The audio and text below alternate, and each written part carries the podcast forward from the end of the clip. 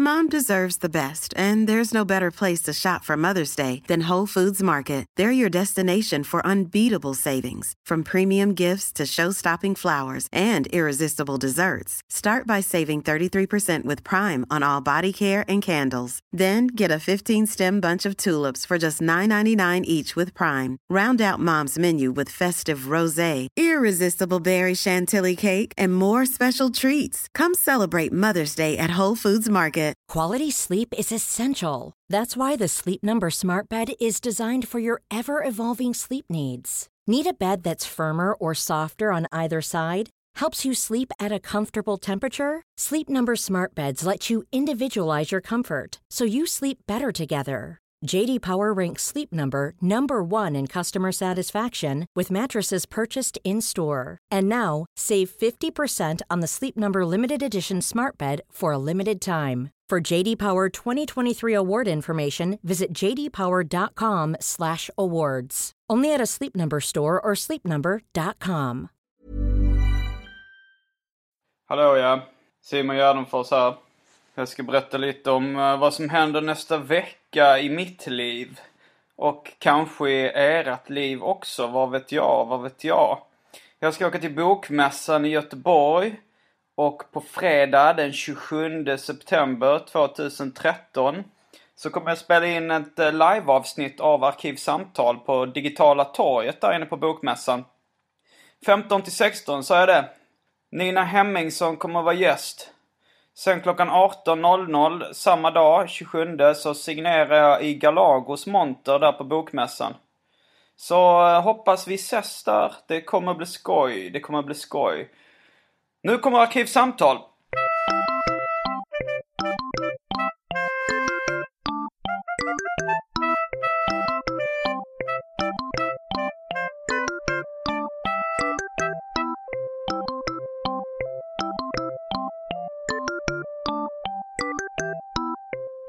Hej och välkomna till Arkivsamtal. Tillbaks i Stockholm från en kort tur till Japan så heter jag Simon Gärdenfors och dagens gäst är Joel Josefsson. känd från uh, Signpodden. Ja. Eh, ja. Jag tänkte uh, om du skulle hålla med om det liksom att det är det alltså är det det som du har fått mest uppmärksamhet för i ditt liv? ja, det tror jag. Jag skulle inte säga känd från Signpodden. Jag tror däremot att det här, att vara med i Arkivsamtal, är nog det som jag... Det nog blir nog det mest uppmärksammade jag gjort. Mm. Eftersom det är fler som lyssnar på Arkivsamtal än vad det var som lyssnade på Signpodden. Var det så? Det, Ja. Jag har inte så bra koll Det var på det. hur många som lyssnar men... Nej, jag vet inte hur många som lyssnar på dig heller, men du är ju ett mer kändare namn än vad jag är. Ja, hittills i alla fall. Berätta lite om Signpodden för uh, lyssnare som inte vet vad det är. Mm. Det var en signpodd vi gjorde 12 eller 13 avsnitt. Helt om eh, Seinfeld. Helt och hållet om Seinfeld. Vi pratade om utifrån väldigt många olika perspektiv. Allt ifrån roliga scener, roliga bikaraktärer till diskutera hur viktigt eh, vad mat fyller för funktion i Seinfeld. Det finns många intriger som handlar om mat. Kretsar kring det. Vad kläder fyller för funktioner. Och även eh, diskuterade även för Seinfeld har på senare tid fått en del kritik för att vara ganska rasistiskt emellanåt. Och diskuterade även Seinfeld ur eh, genusperspektiv i det tillfället också. Och eh, ja, blandade egentligen ganska lättsamma med tyngre grejer. Mm, jag är ganska stor fan av Seinfeld. Du kan värdera ordet ganska. Alltså jag är väl, det är en av de grejerna jag är mest fixerad vid i livet skulle jag nog säga. Alltså tv-serien Seinfeld. Eh, så det ska bli kul att prata mer med dig om det. Men först så ska vi kasta oss in på det omåttligt populära inslaget Välj drycken. Ja, äntligen.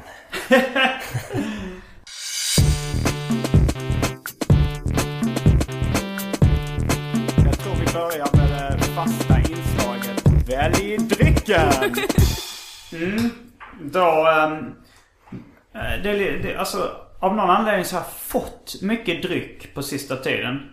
Eh, och det, det är inte liksom för på grund av väl drycken. Det var, jag var ute på, på stan innan jag åkte till Japan så liksom och drack öl. Och då, då kom det fram någon, någon full kille som kände igen mig och som lyssnade på min rapmusik. Och sen eh, som plåster på såren för att han hade laddat ner min musik gratis hela dagen så fick jag hans flaska whisky. Åh. Som han hade som var då en Jack Daniels Tennessee Honey. Eh, alltså en whisky med honungssmak. Sen eh, när jag var med i en någon slags video eh, vodcast eller någonting kallar den killen det. Eh, Måns Lorentzon var en kille. Han har inte lagt upp den ännu men i alla fall då fick jag en flaska whisky av honom också. Eller så också en halvdrucken flaska som det var nog också en ganska spontan present. Eh, och det var en Chivas Regal skotsk whisky. Men att få eh, whisky det är väl ändå mer än vad Stimpengarna betalar ut som artist? Stimpengar? Nej, Stim är lite mer faktiskt. Eh, Det, det kan jag nog leva på en eller två månader om året. Och så är det vissa som kan leva på whisky också. På, på att få whisky bara. Det är svårt att... Att dricka whisky. Man klarar sig med det. I och för sig, alltså man kan ju ändå bränna en, alltså alkohol som energi. Man kan inte lagra det som energi dock. Har jag läst.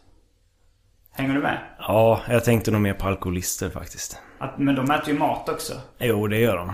De, men, då kan de eh, ju inte leva. Då men- måste de ha pengar också. men det är ju en andra prioritet. Ja, det är det ju. Eh, så- så du, du tänker försvara man kan leva på whisky? Nej, nej gud nej. Det skulle jag aldrig försvara. Nej men det, det, du har i alla fall två whisky att välja på här i väldrycken. Sen Jaha, det var min alternativ. Okej. Nej, nej, det finns fler. Det kommer bli en ganska Mm. lång lista idag. Sen är det en kvarglömd eh, Rinkeby apelsinjuice. Eh, som jag tror någon rappare som sovit över har glömt kvar. Eh, en eh, dryck som eh, heter Pearl Royal Coconut Water. Men som i den här podden har blivit känd som en frisk fläkt. Det är hittills ingen som har velat dricka. Eh, Strong Zero vindruva. En eh, japansk, s- ganska stark alkoholhaltig dryck. Uh, läskaktig sak. Avslagen Coco Bahia. En gammal läsk som inte uh, tror är så jättegod. Men i alla fall smakade en gång i tiden ananas och kokos. Oatly havredryck. Som jag misstänker att min mamma har glömt kvar här. Hon, hon lånade min lägenhet någon gång när jag var i Japan. Kan också vara rapparen Spaker som fick nycklarna, fick tillgång till nycklarna men jag vet inte om han har bott här eller inte. Uh, Gordon's Dry Gin. Sa jag Coca-Cola Zero? Nej. Nämnde det? Nej. Och sen för uh, tråkmånsar och nejsägare, kaffe och vatten. Ja, nej men eftersom jag är en tråkmåns och nej-sägare när det gäller dryck så en kopp kaffe låter helt underbart. Okej. En frisk fläkt uh, förblir en följetong. En orörd följetong. Men uh, då... Uh, alltså kaffe är ju problemet också. Det tar lite tid att koka.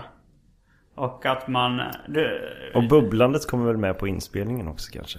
Ifall ja, det, det, är, det är mest mysigt. Ja. Men, eh, men eh, och, ja, du kan få... Det, det är pulverkaffe och det, den enda mjölken som finns är havremjölk. Vill jag varna för också. Och det är inte riktigt havremjölk. Är du, är du fortfarande intresserad? Kan jag i sådana fall välja en kopp pulverkaffe och kanske Coca-Cola Zero? Det kan du få göra. Eh, då eh, kommer vi strax, stra- strax tillbaks med det här.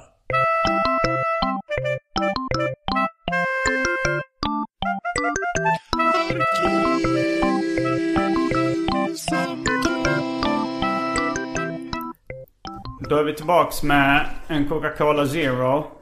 Och eh, jag poängterade just att det är lite konstigt av mig att eh, erbjuda dryck och sen så vara lite missnöjd med det du väljer. Det, då borde jag egentligen stryka det från listan men du kan få ställa det glaset på eh, boken som jag har lagt fram. Så att den inte dunsar när man tar ner. Själv så, eh, så i någon slags tyst protest så tog jag själv vatten. För att jag skulle vara... eh, jag vet inte om det var en tyst protest. Det var nog mer så här, Ja, jag... Alltså ifall någon annan dricker alkohol på morgonen så gör jag gärna det också. Men jag vill inte sitta själv och göra det. Nej. Och, det är eh, helt förståeligt. Ja. Och, men det, det fick bli helt enkelt eh, vatten för min del. En Coca-Cola Zero för mig. I en flygplansburk, en sån där liten. Jag hittade den ute i Högdalen tror jag. De, de hade så här för- storförpackningar med flygplansaktiga burkar. Alltså sådana små 0,15 liters. Men sen för, fick du också kaffe som är på gång. Men det står på spisen nu och eh, kommer ta lite tid att värma upp. Vi väntar. Så ehm, tillbaks till... Nu vänta, du, du har ju varit på konsert idag. Eller igår. Det är därför Ja. du är i Stockholm. Ja, bland annat. Jag var så på The Dream. R&B R&B sångaren Ja, jag är ganska stor fan av The Dream. Där skulle jag nog mer säga ganska stor fan. Jag lyssnar i och för sig nästan varje dag på The Dream. Eh, men jag har inte lärt mig allt om honom. Vilket jag har om eh, Jerry Seinfeld och Larry David. Nej, gud nej.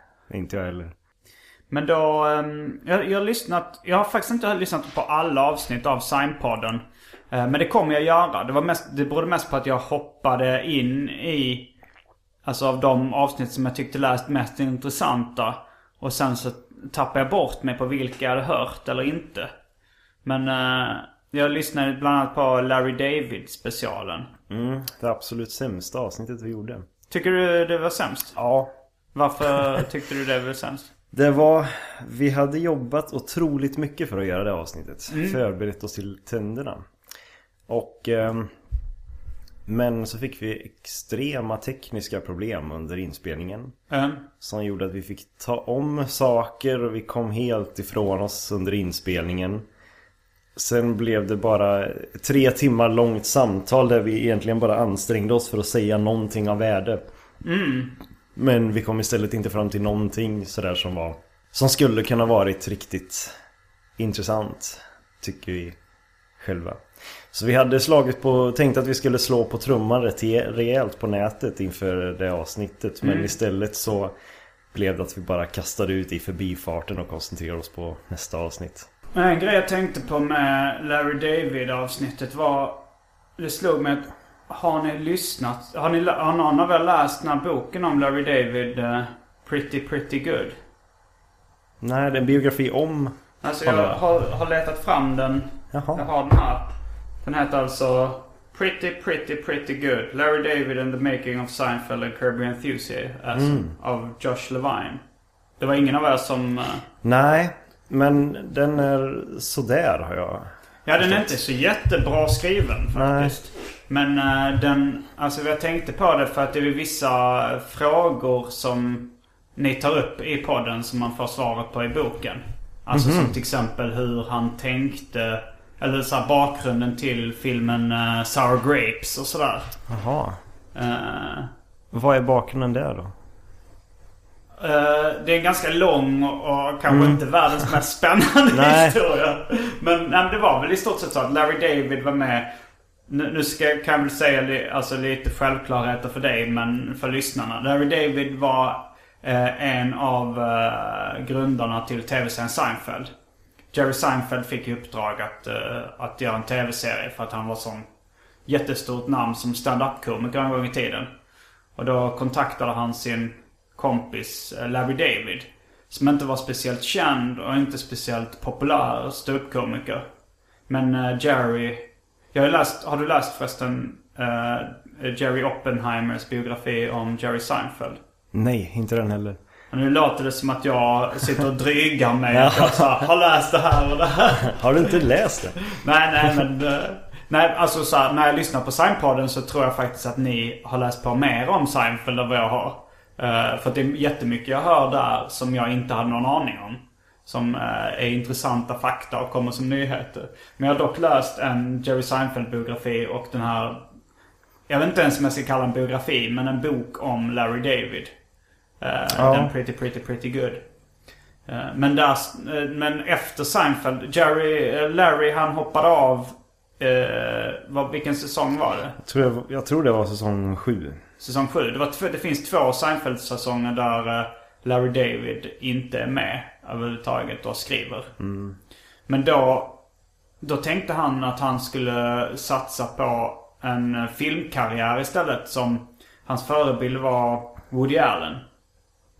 I, i, I många delar i livet liksom. Kanske även som komiker, jag vet inte. Och han tyckte ju att det här filmbolaget, jag tror det var samma ägare till filmbolaget som, till, som liksom hade gett ut uh, tv-serien. Och han tyckte så här, jag har, uh, jag har gett dem så mycket pengar, liksom hjälpt dem att tjäna så mycket pengar. Så att uh, nu borde de liksom hjälpa mig att göra en film. Men Larry David i sig var ju inget speciellt stort namn då. Eh, så filmbolaget gav honom en minimal budget liksom. Satsade inte alls på det så han hade inte råd att ha några kända skådisar eller något sånt där. Sen, sen var det väl också att han, jag tror att han personligen var inne i en svacka då för att eh, det sista avsnittet av Seinfeld blev extremt sågat. Han hade ju hoppat av då och inte skrivit på ganska länge. Så han, han gjorde ju inget speciellt bra manus eller något sånt. Men hans plan var liksom att göra som Woody Allen. Att typ släppa en film om året liksom. Mm. Men, men sen eh, blev filmen extremt dålig. Både på grund av hans egen liksom, formsvacka och på grund av filmbolaget. Eh, de liksom hjälpte inte honom ett dugg nästan. Ja, den är fruktansvärd, den filmen. Ja, den är ganska svårsmält. Ja, men man märker att det är Larry David som har tänkt ihop den. Ja. Och det är ju kul att se. Men den är... Ja.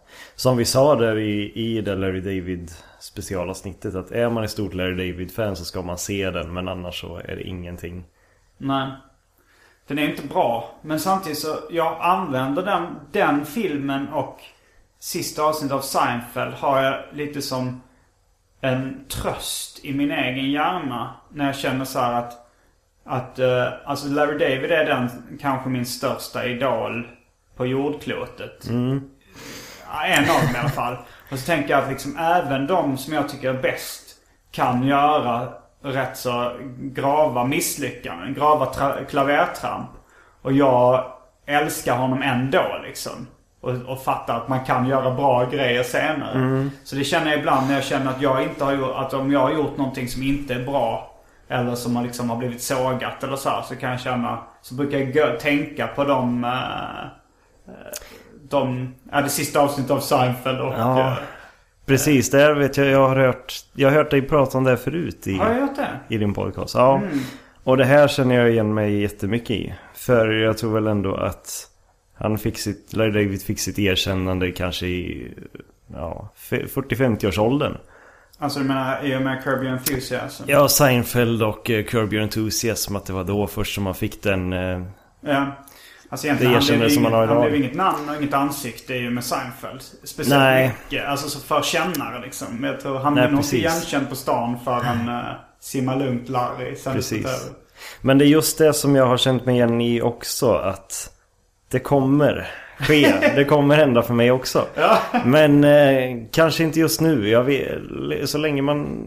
För vad han har gjort är att han vägrat att kompromissa. Mm.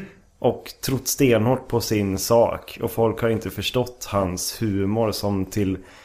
För väldigt många människor inte är humor. Mm, jaha, är det så? Är det många? Ja, det är i och för sig Jag- ganska många som inte fattar Ja. Lugnt Larry så här, och inte tycker det är så Eller Seinfeld också egentligen som det här samtalen kring banala Extremt banala saker. Det finns ju stor humor i det men det är ju en väldigt smal balansgång. Och det är, jag tror det är väldigt många som har väldigt svårt att se den där humorn eller tycker att den är jobbig på väldigt många olika sätt. Men att han har vägat att kompromissa med den för att han tror så hårt på att det finns så mycket roligt och intressant att hitta här. Ja. Och det är ju det som då Så länge man själv Går samma väg och verkligen hittar det som man vill göra någonting av Jag tror samtidigt att han har kompromissat lite. Att jag tror att Seinfeld var i mångt och mycket en kompromiss. Alltså jag, det känns ju som att eh, Simma Lugnt Larry är mycket min, mer kompromisslöst. Alltså så här, då skämtar han så grovt han vill liksom om incest och pedofili och, och judendomen liksom. Men det fick de inte göra. Om man ser, kollar på de här bakomfilmerna i Seinfeld så fick de inte skämta hur grovt de ville. Och, och de fick ju inte göra det för internt eller för eh, judiskt eller sådär liksom. Så han har ju uppenbarligen kompromissat lite där. Men han, Ja. han, ger, han gör ju en ganska kompromisslöst intryck i, all, i största allmänhet. Liksom. mm. Men man kan ju se att det är mycket Jerry Seinfeld där också Men, Som är lite mer eh, poppig liksom. Jo, I sin absolut. humor. Lite mer lättsmält. Jag tror vi gjorde någon, i alla fall jag gjorde den liknelsen i, i Signpodden med att det är precis som det här samarbetet mellan Mick Jagger och Keith Richards. Ja, det hörde jag i, i Seinfeld. Men Jag har så jävligt dålig koll på Rolling Stones. Ja, nej, men- liknelsen gav mig inte så jättemycket i alla fall. Nej men om man ser Keith Richards som är den eh, mer eh, hårdkokta mm, snubben som gillar gammal, gammal skit i blues. Jordnära och- bluesbaserad rock'n'roll. Precis, kompromisslöst vill ha det på det här gamla klassiska sättet. Medan Mick Jagger som vill ha det mer, mer poppigt och lyxigt och divigt. Och där, precis samma sätt har vi då Larry David och Jerry Seinfeld. Den ena mer jordnära, så här ska det vara, vi ska inte hålla på med något daltande. Och så har vi den andra som är lite mer publikfri, friande och vet vad publiken vill ha. Tillsammans så Ja. blir det så... En väldigt bra Jo, jag, jag, nu när du säger det så tänker jag på ganska många olika samarbeten som har blivit liksom jättestora. Att det kanske krävs det. Både liksom, eh, både no, alltså så här, två personer, en, en som tänker på, mer på publiken och en som tänker mer på integritet och sin Precis. egen personliga humor och smak. Ja, jag tror det gäller eh, förhållanden och äktenskap också faktiskt. Eh, kan du ta ett exempel på hur det fungerar i ett förhållande på det sättet? För där, där ska man, alltså så här, där skapar man inte riktigt en produkt på samma sätt. Det är kanske ett barn eller någonting. Jo, men ett äktenskap är ju en produkt av två människors samarbete. Men eh, då finns det kanske någon som är mer impulsiv och någon som är mer trygg. Ja, Tillsammans så funkar det väldigt bra. Sen vet jag, jag har stött på flera par där den ena är väldigt utåtriktad och den andra är mer... eh, Oj, vad heter det när man är mer... Inåtvänd. Ja, precis. Och då är den ena, det är den som eh, då bygger upp ett samtal, en dialog mellan de här personerna. Den andra sva- lyssnar, tar in och tänker på det ett tag. Kanske ger något svar en dag senare men att dialogen får gå i den takten då. Ja. Och på så sätt så byggs ett, ett för- förstående mellan varandra upp. Ja, eh, jag, jag kan se vissa poänger i den analysen. Men liksom man, man ska, behöver egentligen inte tilltala en, en utomstående publik i ett förhållande. Vilket man gör med musik och, eh, och tv-serier så. här. Men eh, berätta lite om dig själv. Vad gör du till vardags och var kommer du ifrån och var bor du och sådär? Jag bor i Umeå. Är ifrån eh, Lidköping, Västergötland. Är det där Hanna Fahl kommer ifrån? Precis, det är det. Jag gick faktiskt i eh, samma klass på högstadiet som hennes lilla syster. Ja. Och- Så nu, känner du Hanna? Nej, det gör jag inte. Okej.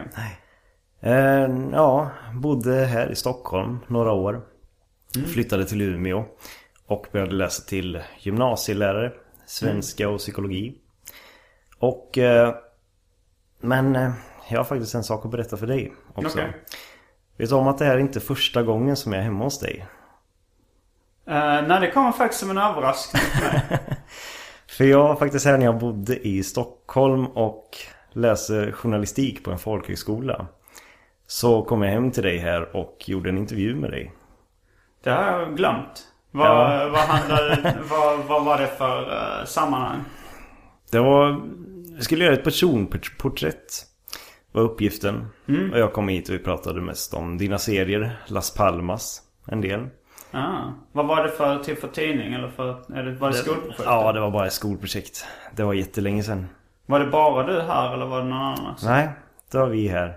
Nu, alltså det är lätt för mig att vara efterklok och säga att nu när du säger det så Ja. känner jag mig lite. Men, Ja, men det var... när, var det sa du? Det måste ha varit 2000... Mm, se. 2005 tror jag kanske. 2005? Så det, Ja. var, det, det var ju, det är snart, det är 12 år sedan alltså. Nej, vad blir det? 5, 13 6, 7, alltså. 8, 9, 10, 11, 12, 13. 8 år sedan. Åtta år sedan. Jag är extremt dålig på, på matte. Ja, Jag var tvungen att räkna på fingrarna.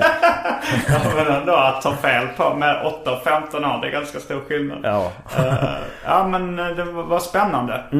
Eh, men sen, jag tror det var nog... Jag vet inte om det var via Signpodden eller om jag eh, började se grejer du skrev på Twitter innan ni släppte Signpodden. För jag jag för mig att uh, Agro, serietecknare och rappare från Göteborg, att han typ skrev någonstans att, ja, eh, att du var roligast på Twitter eller någonting. ja, just det. Jag kommer ihåg han har skrivit. Började, så började jag kolla. Ha, så ser, du, ser du Twitter som ett liksom forum för att, ut, för att uttrycka dig kreativt? Ja, och för att framförallt lära mig saker och ting. Jag har börjat se det som mitt eh, andra universitet faktiskt. Jag har lärt mig otroligt mycket på det men det började mest som ett slags forum och bara skriva roliga one-liners ungefär. Men nu har det ändå... Jag tycker jag själv att jag har kommit så långt med Twitter att jag blir själv irriterad på folk som skriver, bara skriver roliga one-liners på. Men eh, vi kan jag backar tillbaks till där vi var nyss. Du utbildade dig till lärare i Stockholm. Mm, nej, när, när till, du eh, är till... till journalist tänkte Okej. jag bli då. Och Men, det var då du gick du något journalistprogram eller? ja, precis. Och då gjorde du eh, en intervju. Ja, men eh, det är faktiskt våra, våran relation fortsätter lite där faktiskt. Den stannar inte där? Nej. Okej. Utan Fyll, i. Det här är både pin, lite pinsamt och ganska underhållande känner, Ja, känner jag. Um, eh, för flera år efter jag då gick den här journalistutbildningen så fick jag ett mail från eh, Jenny Sett som var pro- producent på ZTV som skulle göra någon nystart då. ja. Hon ville att jag skulle komma och provspela för ett eget eh, tv-program. De skulle starta några olika talkshows. Hon hade läst min blogg och tyckte den var väldigt rolig. Vad, vad, vad hette din blogg och vad handlade den om? Den hade bara samma namn som mig. Okej. Den finns inte kvar nu. Men Men eh, jag kom dit och provspelade. Det blev ingen talkshow. Men hon ville ha kvar mig i något program i någon form ändå. Sen så dök det upp då. Hon försökte få in mig att läsa upp några olika texter jag hade skrivit. Ville hon ha med i en talkshow som drevs av en viss Simon Gärdenfors. Jaha. Eh, Det blev inte någonting av det. Trots flera olika försök. Eh, det här minns jag inte heller riktigt. Vad var, vad var det för... Alltså så här, presenter... Fick jag de texterna per mail eller vad? vad Ja, de, hon fick dem. Ja. Jag vet inte, jag har ju tänkt att antagligen så har ju den där jävla Gärdenfors sagt nej varenda gång när hon har skickat dem vidare. Nej, jag tror inte jag... Alltså vad jag kan minnas så har jag inte läst några sådana texter. Nej. Att jag inte fick några... De kanske stannar hos henne, vad vet jag. Det gör Ja. inte så mycket nu i efterhand, men jag jobbade stenhårt på dem. Ja, okej. Men eller så kan... Alltså så här, det kan ju också varit så här att bara...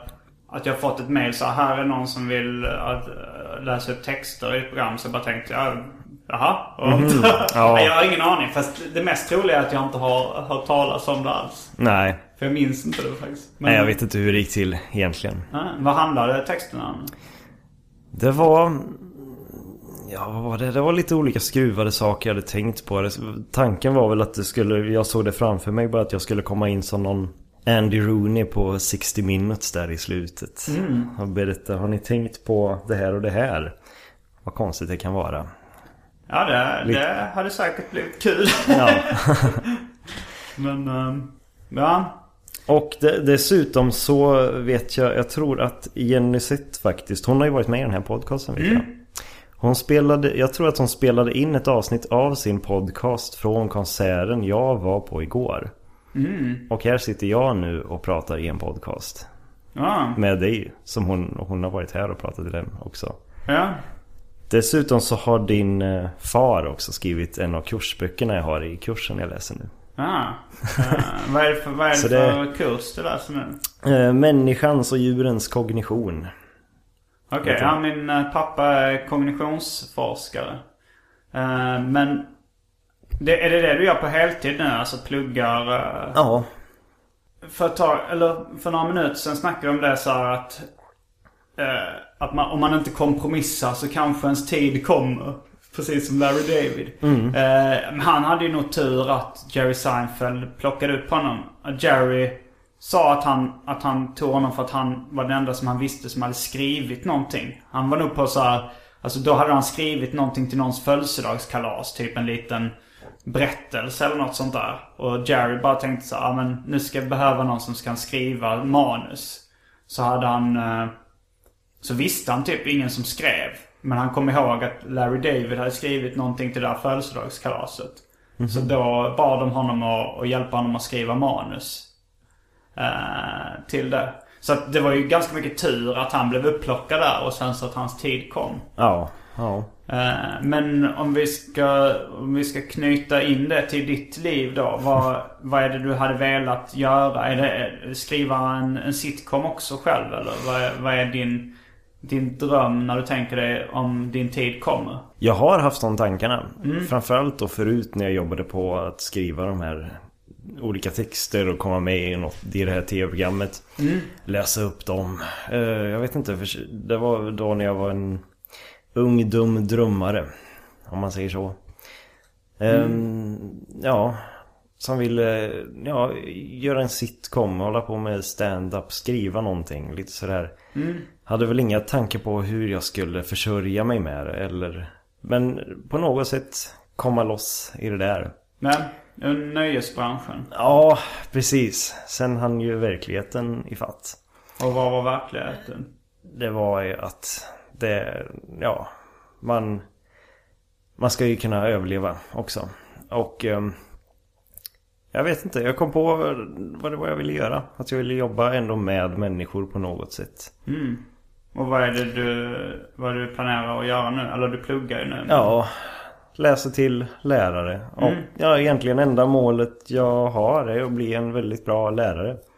Det, Och jag är jättenöjd med det målet. Det är det. Ja. Planerar ni att göra fler avsnitt av Signpodden? Nej, det gör vi inte. Har du några andra podcastplaner på gång? Nej, inte det heller. Hur hittade du de andra medlemmarna eh, till, till Signpodden? Mm. Fredrik Bolms, Malin Sönegård heter de. Eh, det var faktiskt väldigt speciellt. Jag och Fredrik lärde känna varandra för kanske 10-12 år sedan. Och kom väl ganska snabbt in på att båda hade ett stort Seinfeld-intresse. Har ofta diskuterat Seinfeld på det, på det sättet som jag tycker att många eh, vi Seinfeld-fans gör. Vi går in mer än på att det bara är roliga, roliga scener. Utan mer vad saker och ting betyder, hur de kopplas ihop och vad man kan se för mönster. Och det finns ju ett väldigt djup i Seinfeld. Man kan ju diskutera det i mer än 12 avsnitt som vi gjorde. Ehm, ja, så det var ganska givet. Jag han började prata om att göra en podcast om Seinfeld för vi visste att det fanns så många som skulle vilja lyssna på det också. Och eh, så var det också Malin som är egentligen min systers gamla barndomskompis.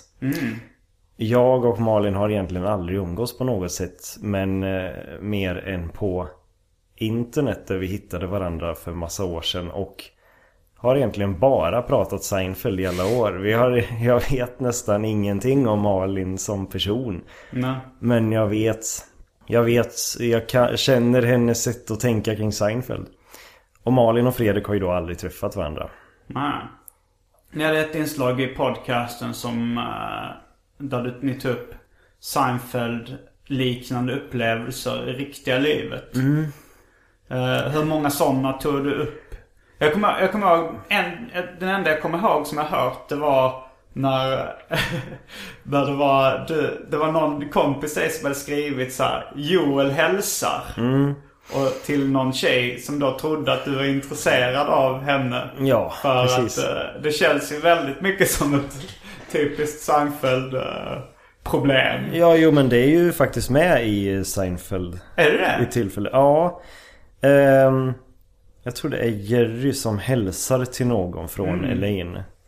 Bara grundat på det att Jerry vet att han att hon känner att han känner Elaine. Och Elaine blir då väldigt frustrerad över den situationen. Och det blev ju jag också för hon kan ju bara tolka det på ett sätt. Ja men det att prata Seinfeld-situationer var något som vi... Det var återkommande moment vi hade i, i avsnitten. Och det finns ju hur många som helst. Jag var med om en extrem Seinfeld-situation nu i somras. Där eh, jag och eh, två personer skulle sätta oss i en bil. Det var två stycken som jag inte känner särskilt väl. Och jag ska sätta mig i baksätet och det är en jättetrång eh, parkeringsplats. Och när jag öppnar bakdörren och ska gå in så kommer föraren, alltså ska köra bilen, sträcker sig över bildörren och lägger in sin ryggsäck i baksätet. Där du sitter? Ja, precis där jag... Över, jag står och håller i dörren, håller den upp den. För att jag ska gå in. Han sträcker armen över bildörren. När han sträcker in bildörren blir jag tvungen att öppna bildörren lite till. Ja. Och bildörren slår då emot bilen bredvid. Så att det blir ett märke på den här bilen. Den, an, din, hans... Den personen som du... eh, Kändes bil eller den andra bilen? På bilen som står parkerad bredvid. Okej, ja. Och där så kom ju då en stor diskussion om vems fel var det här? Var det jag som stod och håll, höll i dörren som skulle gå in i bilen? Eller var det han som skulle lägga sin väska som tryckte sig över för att lägga in den? Jag kunde ju ha tagit ryggsäcken och lagt in den. Eh, Men han hävdade ju att han rörde ju inte dörren. men... Han la ju bara in sin väska. Det var jag som stod och höll i dörren. Jag är ju ansvarig för att, som Som höll i dörren. Ja, Så hur var slutade med? Alltså körde ni en hit and run? Att ni bara åkte därifrån utan att säga någonting? Vi drog därifrån för vi orkade inte riktigt bry oss om det utan det här upp, den här diskussionen uppstod på ett samt, telefonsamtal flera timmar senare. Men eh, det slutade med att eftersom att den här bilen ändå var så repig som vi råkade slå emot. Vi säger jag för jag kan faktiskt inte säga vem det var. Eh, ja, Ja, det är ett svårt dilemma. Det, det, ja. Alltså, ja faktiskt. Och ja, vi beslöt att vi var båda skyldiga eftersom bilen var så repig som stod in till så struntade vi i det här för det skulle bli så rörigt ändå med försäkringspapper hit och dit och... Ja, Tog du upp många sådana Seinfeld-liknande upplevelser i podcasten? Eller var det bara den med Joel hälsar? Det är till exempel, det är i något avsnitt där Jerry och George diskuterar vems föräldrar som egentligen är galnast utav dem. Och då försökte vi tre då Vi drog upp anekdoter om våra föräldrar och försökte Ja. avgöra vem som egentligen var tokigast. Vem vann? Det är ju ganska jämnt där också. Allas, allas föräldrar är ju sjuka i huvudet egentligen. Men Ja, Man kan nog ha, alltså så här, i, i det Seinfeld-avsnittet så var det väl George som vann att hans mamma aldrig hade skrattat. Ja. Eh, Hur, på, hur lång tid var det? Var det hela livet? ja, hela livet. Aldrig skrattat. Jag tror nog man, om man ser, kollar igenom alla Seinfeld-säsongerna så kan man nog hitta bevis på där. Ja, jag, kan, jag kan inte minnas. Jo! Hon får fnissa till lite grann när hon har... eh, Hon har precis opererat ögonen och eh, det är... Det är no, hon uppfatt, uppfattar det som att det är någon som eh, tutar och i bil och flörtar med henne. Ja. Och då fnissar hon till lite grann. Sen tror hon väl också att, eh, eller Kramer flörtar väl med henne vid något tillfälle också. Eller så när han eh, sträcker fram handen. För Det att, eh, Mm. ja hon, Jo men då fnissar hon lite också. Men Ja. det kan ju vara George som missuppfattade. Mm. Jo men det är, i det samtalet så kommer jag ihåg att Fredriks pappa hade köpt fem, tu, fem ton fågelfrön eller något sånt där.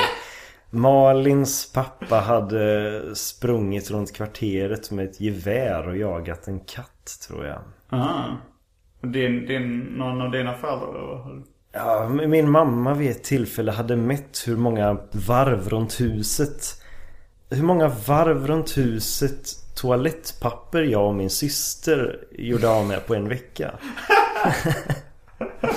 Och när det räknades ut hur många rullar det gick åt i en vecka Räknades det ut hur mycket det var på varje rulle Och sen räknades det ut så här många meter och så hade hon översatt det, gjort olika jämförelser och sen slutligen så gick hon ut och mätte hur, hur, hur långt det var runt huset. Och det väl kanske... Hon tog, drog inte ut en toalettrulle runt huset? Nej, nej. Ja. Utan de kom sen och sa att två, två varv toalettpapper runt husen drar ni i röven i veckan. Var det för att ni skulle spara mer på toalettpapper då eller? Ja, precis. ja. Det var lite snålt kan man tycka. Ja, men två, två varv runt huset. Ja, Det är rätt ändå, rejält. alltså, Så dyrt är det ju inte med toalettpapper att man måste sp- spara in på just den kostnaden känner Nej. jag. Nej, fast samtidigt jag tror att man gör av med väldigt mycket mer toalettpapper än vad man behöver. Om man... För jag tog upp det här med en kompis. Mm. Och eh, hon sa då att hennes föräldrar hade varit på henne om precis samma sak. Hennes pappa hade då sagt att man behöver bara en ruta om man har kissat. Mm. Och det stämmer ju. Ja, man har kissat Ja. kanske. Men, men samtidigt så är det liksom, är det verkligen där man vill spara in? Där man har ändå potentialen att riskera sin odör? Ja men...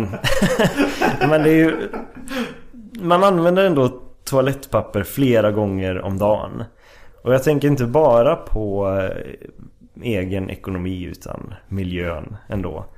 Det är ju förfärligt egentligen hur vi drar två varv runt huset toalettpapper i röven medan skogen bara huggs ner liksom och alla resurser som går åt för att skapa toalettpapper. Det var ganska sent i livet jag började använda toalettpapper efter Va? jag hade kissat. Ja. Vadå du... du bara skakade alltså? Ja, eh, eller knappt ens det liksom. Så att jag bara drog in penis i byxorna.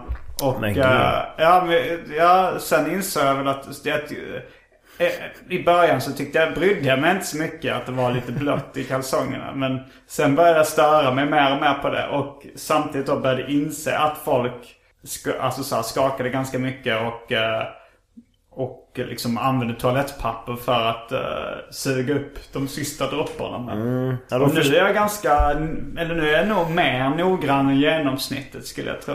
Mm, ja men då förstår jag att du är ganska konservativ när det gäller toalettpapper. Tänker på din egen vinning för... eh, Ja det gör jag absolut i det, i det sammanhanget.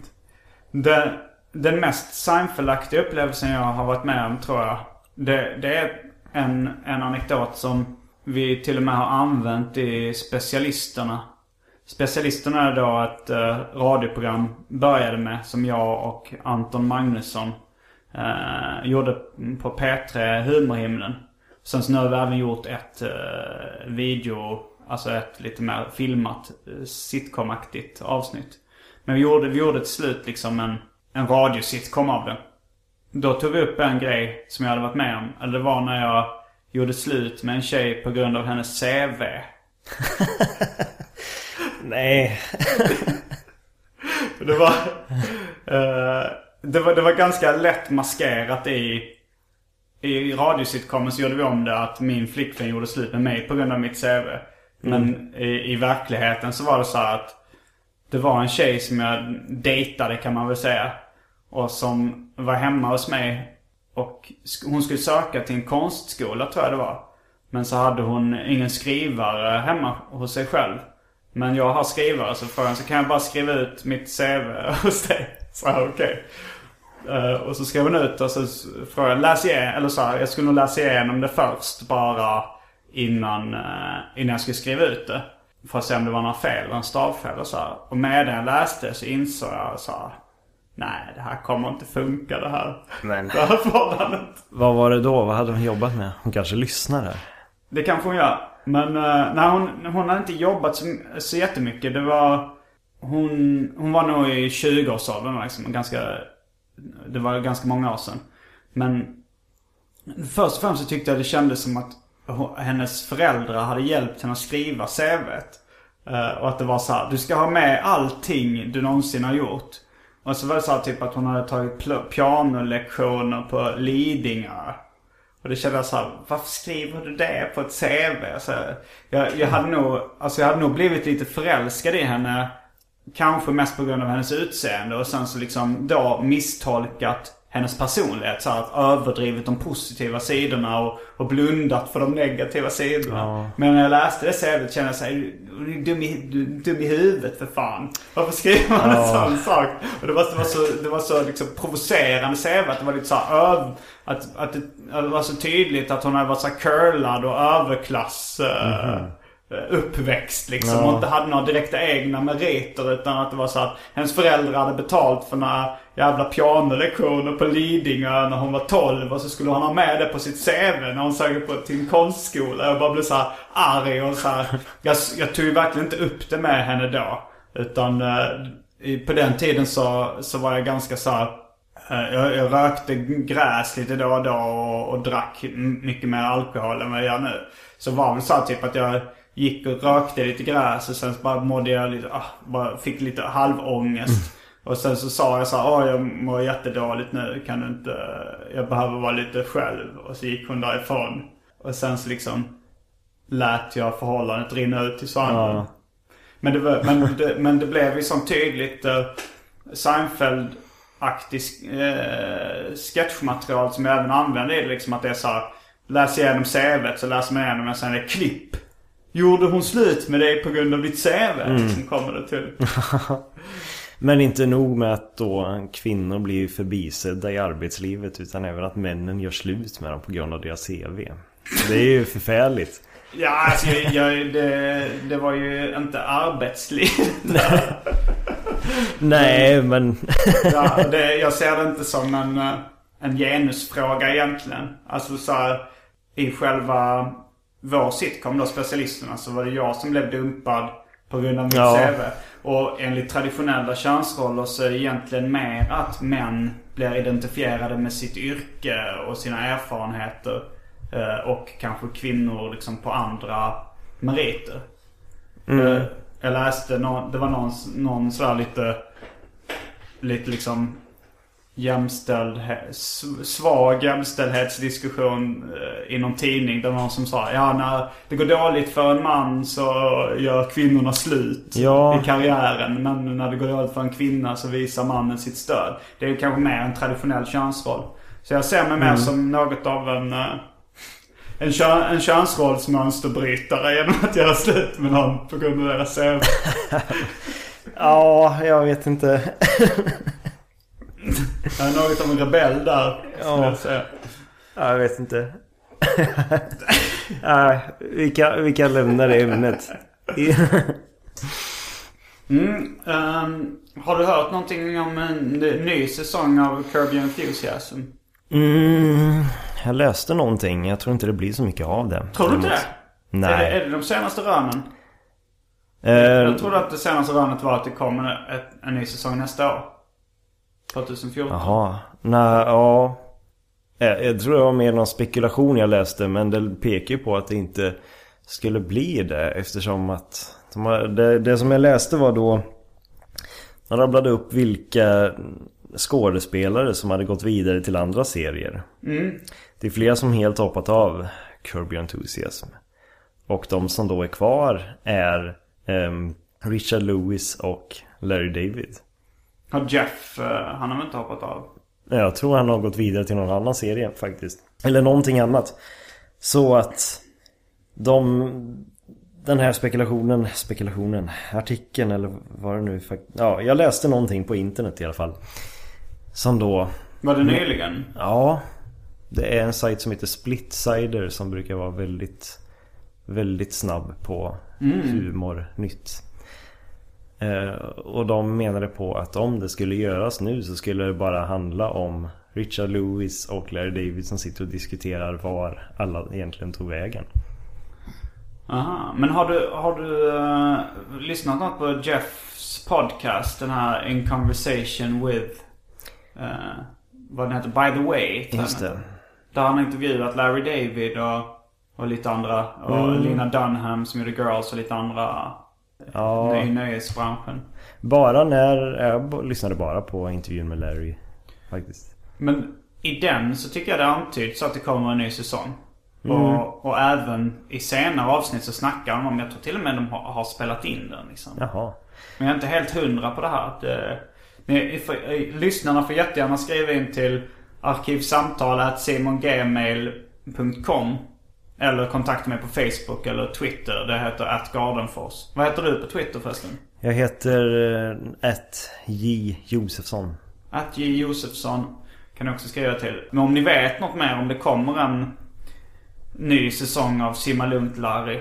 Jag, jag, blev, jag har liksom, det är en av de grejerna jag ser mest fram emot. Jag trodde verkligen att det var nästan klart liksom att det kommer.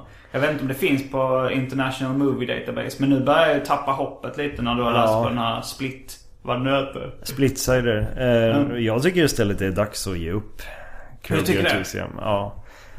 Det finns inte mer att göra nu. Senaste säsongen var ju urusel, får jag lov att säga. Det håller jag inte med om.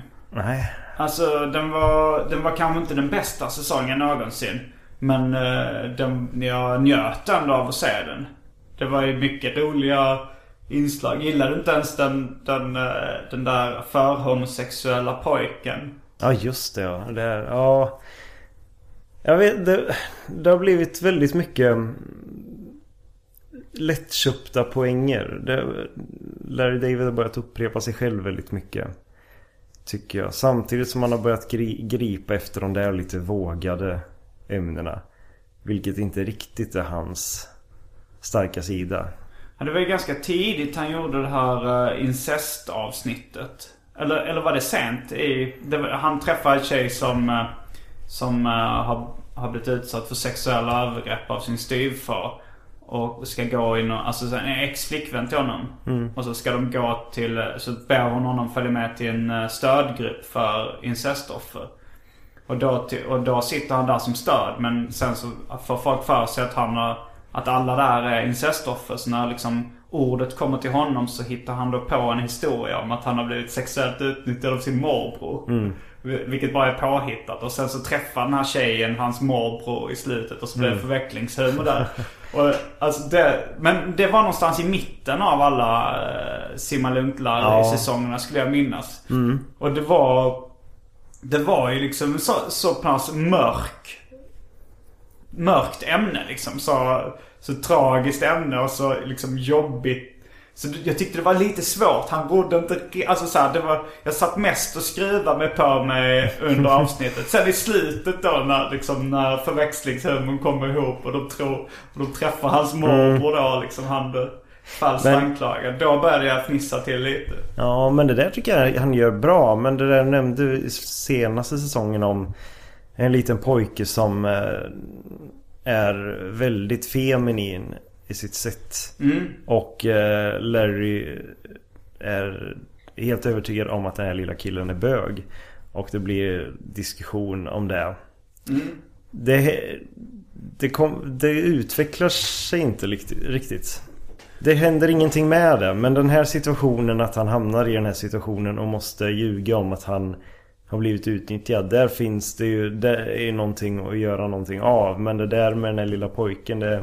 Ja, de kanske aldrig knyter ihop den tråden. Nej. Men det är en ganska rolig scen. När, alltså så för, eftersom barnet är så halvbra skådis. Ja, det är bara en ursäkt för att visa en liten pojke bete sig sådär nästan. Ja, men jag tycker det är ett skojigt klipp. Även om det kanske inte världens mest djupsinniga humor eller mest avancerade. Så är det, Ja. det är väldigt skojig, skojig scen. Ja, sen är det ju senare i samma avsnitt så kommer jag ihåg att Larry av någon anledning råkar få den här killen att sy ett mönster som visar sig då vara ett hakkors i en, i en duk eller någonting. Mm, alltså... Och- Ja, det börjar väl med att Larry ritar uh, Hitlermustasch och lite hakkors på, eh, på en tidning. Liksom. Ja, Eh, han, han sitter och väntar och så tycker den uh, pojken då att svastikan är så snygg. Så att han önskar sig en sån Ja, i födelsedagspresent. Ja men det och sen får de andra vuxna syn på vad den här pojken har gjort. Och det är också... Det är inte så roligt. Det är inte Jag så smart humor. Jag tycker det, jag tycker hela avsnittet är skitbra. Det finns mycket som är... Jag, jag tycker verkligen inte det, det är dags att ge upp. Alltså det är klart han kan ha en formsvacka men... Ja. Men om, om du... Alltså så här, Ja, jag vet inte. Jag tror inte riktigt på det här. Jag tror att man ska suga musten ur konceptet mer än att sluta när man ligger på topp. Mm, jag tror nästan... Jag tycker nästan att Larry David ska ge upp tv-serierna och filmandet ett tag och eh, vad det istället har pratats om att han ska börja prova på stand-up igen. Mm. Och försöka, för han har ju hållit på med det förut och inte lyckats. Han är väl inte nöjd med den karriären. Men, Att ta upp det igen. Och det hade varit enormt intressant. Faktiskt. mm. Det tror jag att där hade han hittat ett sätt att få börja om på nytt. Och hitta en ny röst på något sätt. Precis som han då gjorde med Seinfeld en gång i tiden. För han har ju fortfarande saker kvar att göra. Men jag tror att i tv-serie och filmmediet så är han lite trött där nu. Jag vet inte. Film har jag inte gjort så mycket. Eller han har varit skådis i Woody Allens Whatever Works. Men han också. har ju gjort en film som Jag tror den kanske kom i somras, jag har inte sett den men... Larry David? Ja, Vad är det för film? regisserat och spelat huv... spelar huvudrollen. Jaha, det har jag helt missat. Och det är ganska stora namn med i den också. Men han har inte skrivit manuset. Jo, det tror jag. Varför har inte jag blivit informerad? För att den gick på, den gick på tv. Ja, Var det made for television? Ja, precis. det måste jag ju kolla. Där, där kommer jag kolla på direkt. När, när du har Ja. gått härifrån. Det var ett stora namn. Jag vet i alla fall han, vad han nu heter, huvudrollen i Mad Men. Bland annat med. Alltså Don Draper. Ja, precis. Don Draper skådis. Ja, ganska stora namn överhuvudtaget. Mm. Ganska ändå låg budget. Det måste jag ju Finns. kolla in. Men, Ja. eh, det, men det är konstigt att han inte pratade om den då i liksom den här uh, podcast. Det var en ganska lång intervju med Jeff Garlin. Mm. Eh, och jag har ändå liksom eh, gått in på IMDB ganska mycket för att kolla liksom eh, i skvallertrådarna Ja. om, om det kommer en ny säsong och när den skulle komma i så fall. Av Kirby Enthusiasm. Och där har de inte nämnt den här filmen. Jo vänta nu, det kanske de har. De kanske har nämnt någon film ja, som man skulle spela in. Men den har alltså släppts. Jag tror det. Jag tror den kom i somras. Jag har sett trailern i alla fall. Det var inget som eh, lockade faktiskt. Så jag har inte blivit att jag har sett den alls. Nej. Efter... Eh, jag blir ganska mätt på Seinfeld och Larry David efter Seinpodden. Aha. Eh, så jag var tvungen att ta, jag har varit tvungen att ta en paus överhuvudtaget. Vem, vem är din största idol inom eh, humor i, i allmänhet? Alltså är Oj. det Larry David eller finns det någon som du klassar högre? För jag skulle nog klassa Larry David eh, högst Ja, på listan. ja, det är absolut väldigt högt upp. Ja. Det måste jag säga. Jag läste på Twitter någon gång att du också hade kört stand-up en gång i tiden. Mm, det har jag. När var det och i vilka sammanhang?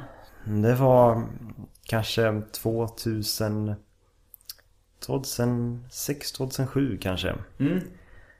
Då provade jag på det ställe som heter Big Ben här i Stockholm. Ja. Där det är många okända namn vet jag som brukar uppträda. Och jag uppträdde i fyra minuter exakt. Och pratade om ost. Det låter som ett väldigt bra ämne. Jag har fa- faktiskt försökt själv skriva mycket skämt om ost men har inte riktigt uh, Det finns, till ja, men det finns mycket skämt tror jag om ost. Och det, jag tror att nästan att det är ett sånt ämne som lite som flygplansmat liksom Va? eller sådär. Eller Ah. att stå och vänta i en hiss. Det känns som ett sånt typiskt ämne för alla kan relatera till det på något sätt. Och sådär. Sen tror jag att vi har... Du i- körde fyra minuter om ost. Ja, jag hade läst någon notis i en tidning om att eh, om, jag kommer inte ihåg exakt men om man bara tar så här och så här många skivor ost på mackan så sparar man så här mycket ost på ett år. Det Och, låter lite eh, som inspirerat av eh, din mammas... Ja, men jag spann vidare på det där lite som, ja men lite Larry David, Jerry Seinfeld Mm. diskussion sådär och höll en lång monolog om hur man skulle då kunna spara in och, men när får man då egentligen de här den här osten som man har gjort sig förtjänt av och ja, jag pratade ganska länge om det där vilket kanske inte är jag tror ändå att om man uppträder i fyra minuter Mm. så tycker jag nog bättre att köra som Ja, en humor förebild om man säger så. Mitch Hedberg om du känner till honom. Ja, ja. Kungen av one-liners. Mm. Jag tror att ska man uppträda i fyra minuter så är det bara att ge järnet med one-liners. Ja, det kanske är bättre. Ja. Eh, men du, körde du bara en gång? Ja, två gånger.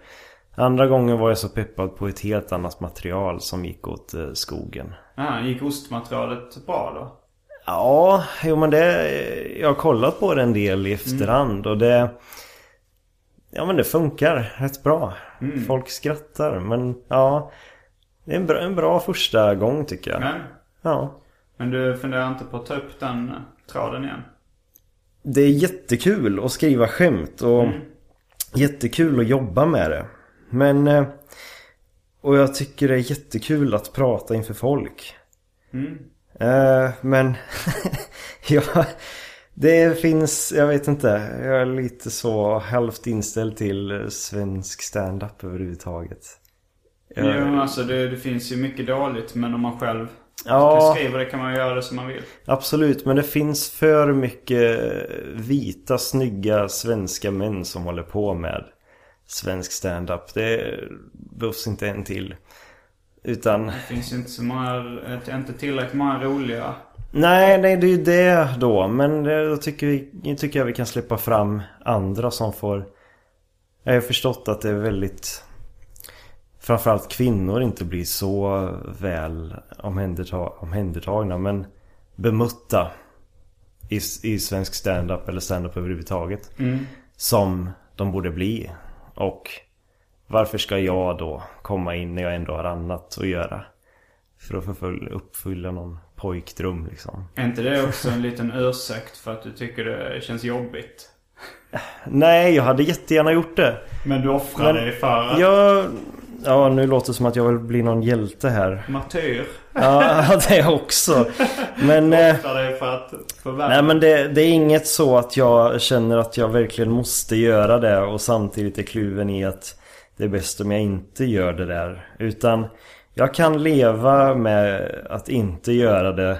Kan jag absolut göra. Jag vet att det är jätteroligt att syssla med men jag har Ja, jag har annat att ägna mig åt. Men ehm, jag är egentligen är egentligen nöjd med att tänka ut saker och prata med kompisar om det och skratta med dem om det. Mm. Än att stå på en scen och försöka sådär. Och sen vet jag inte vad skulle... Jag vet inte, skulle jag börja med stand-up igen så skulle jag nog... Eller igen, jag har ju knappt hållit på med stand-up egentligen. Men skulle jag börja med det så skulle jag nog vara tvungen att sätta upp något mål kanske. Mm. Jag tror man får nästan ha det. Än att bara latcha. Och då vet jag inte vad det skulle bli egentligen.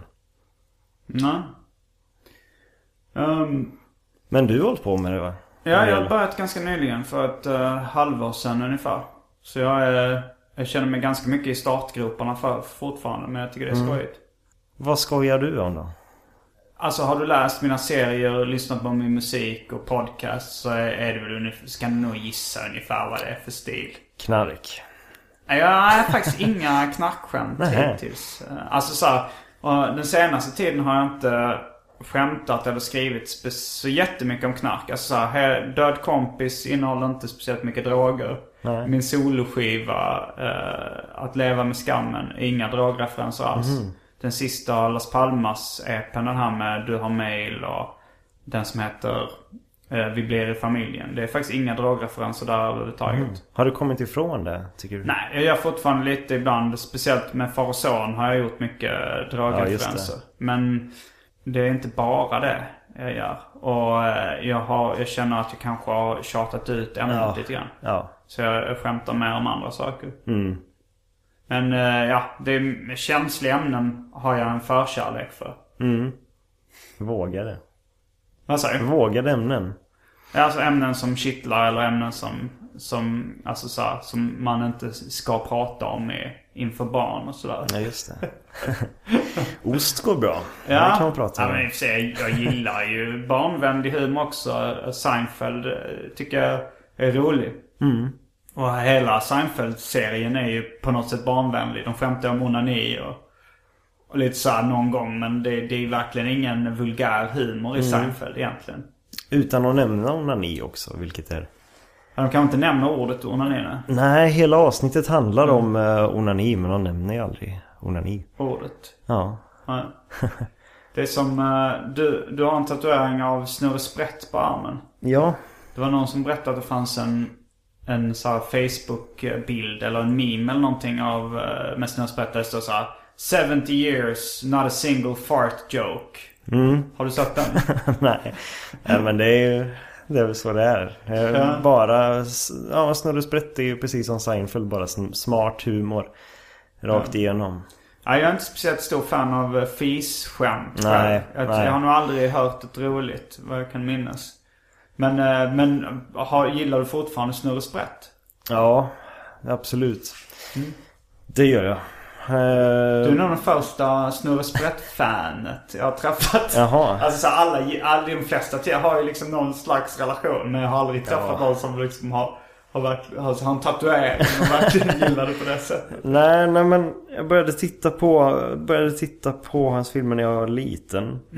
Och det har, har funnits med som en viktig karaktär på olika sätt. Och eh, jag tittar inte på det så mycket längre. Men eh, det finns väldigt mycket som jag tycker är väldigt tilltalande på väldigt många sätt. Han är en otroligt välskriven karaktär.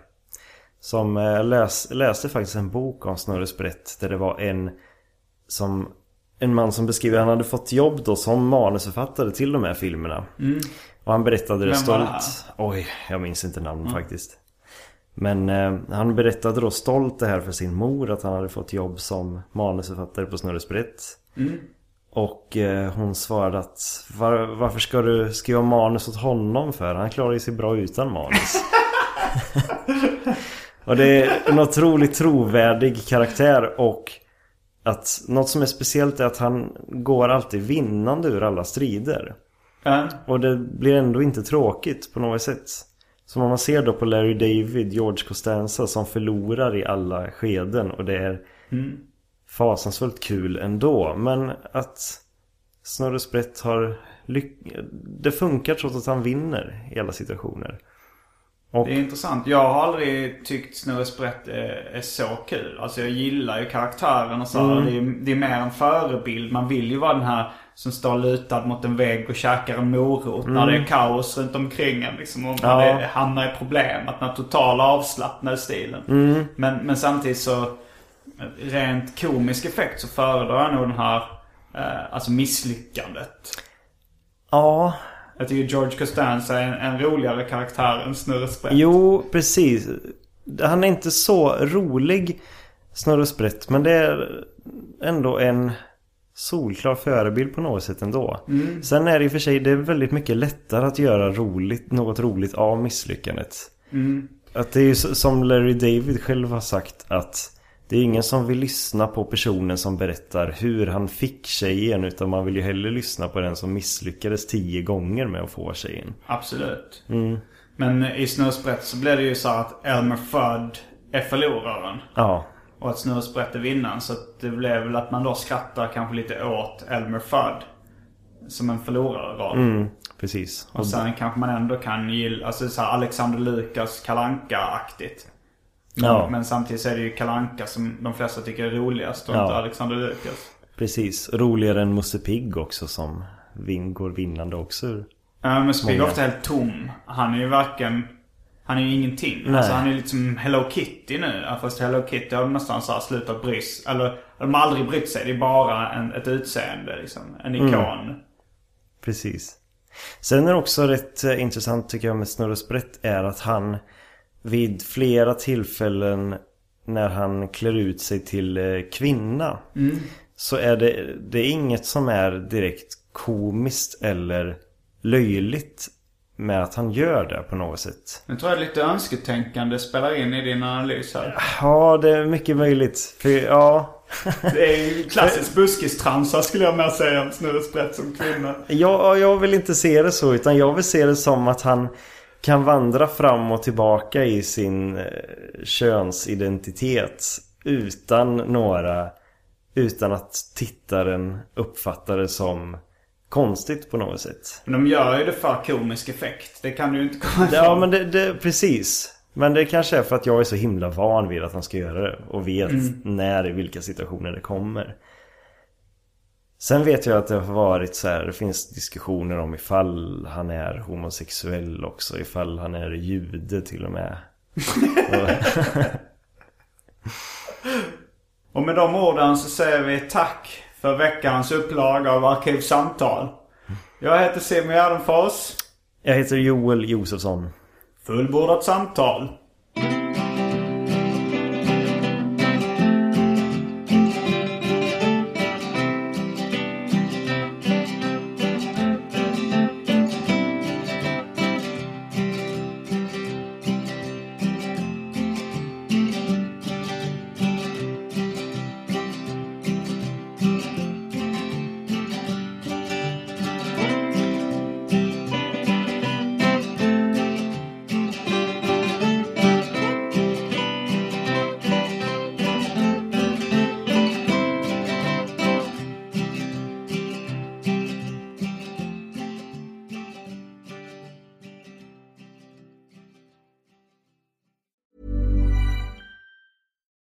We're on a budget, we still deserve nice things.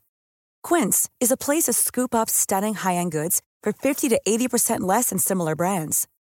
They have buttery soft cashmere sweaters starting at $50, luxurious Italian leather bags, and so much more. Plus, Quince only works with factories that use safe, ethical, and responsible manufacturing.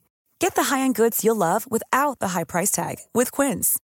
Go to quince.com slash style for free shipping and 365-day returns. Mom deserves the best, and there's no better place to shop for Mother's Day than Whole Foods Market. They're your destination for unbeatable savings, from premium gifts to show-stopping flowers and irresistible desserts. Start by saving 33% with Prime on all body care and candles. Then get a 15-stem bunch of tulips for just $9.99 each with Prime. Round out Mom's menu with festive rosé, irresistible berry chantilly cake, and more special treats. Come celebrate Mother's Day at Whole Foods Market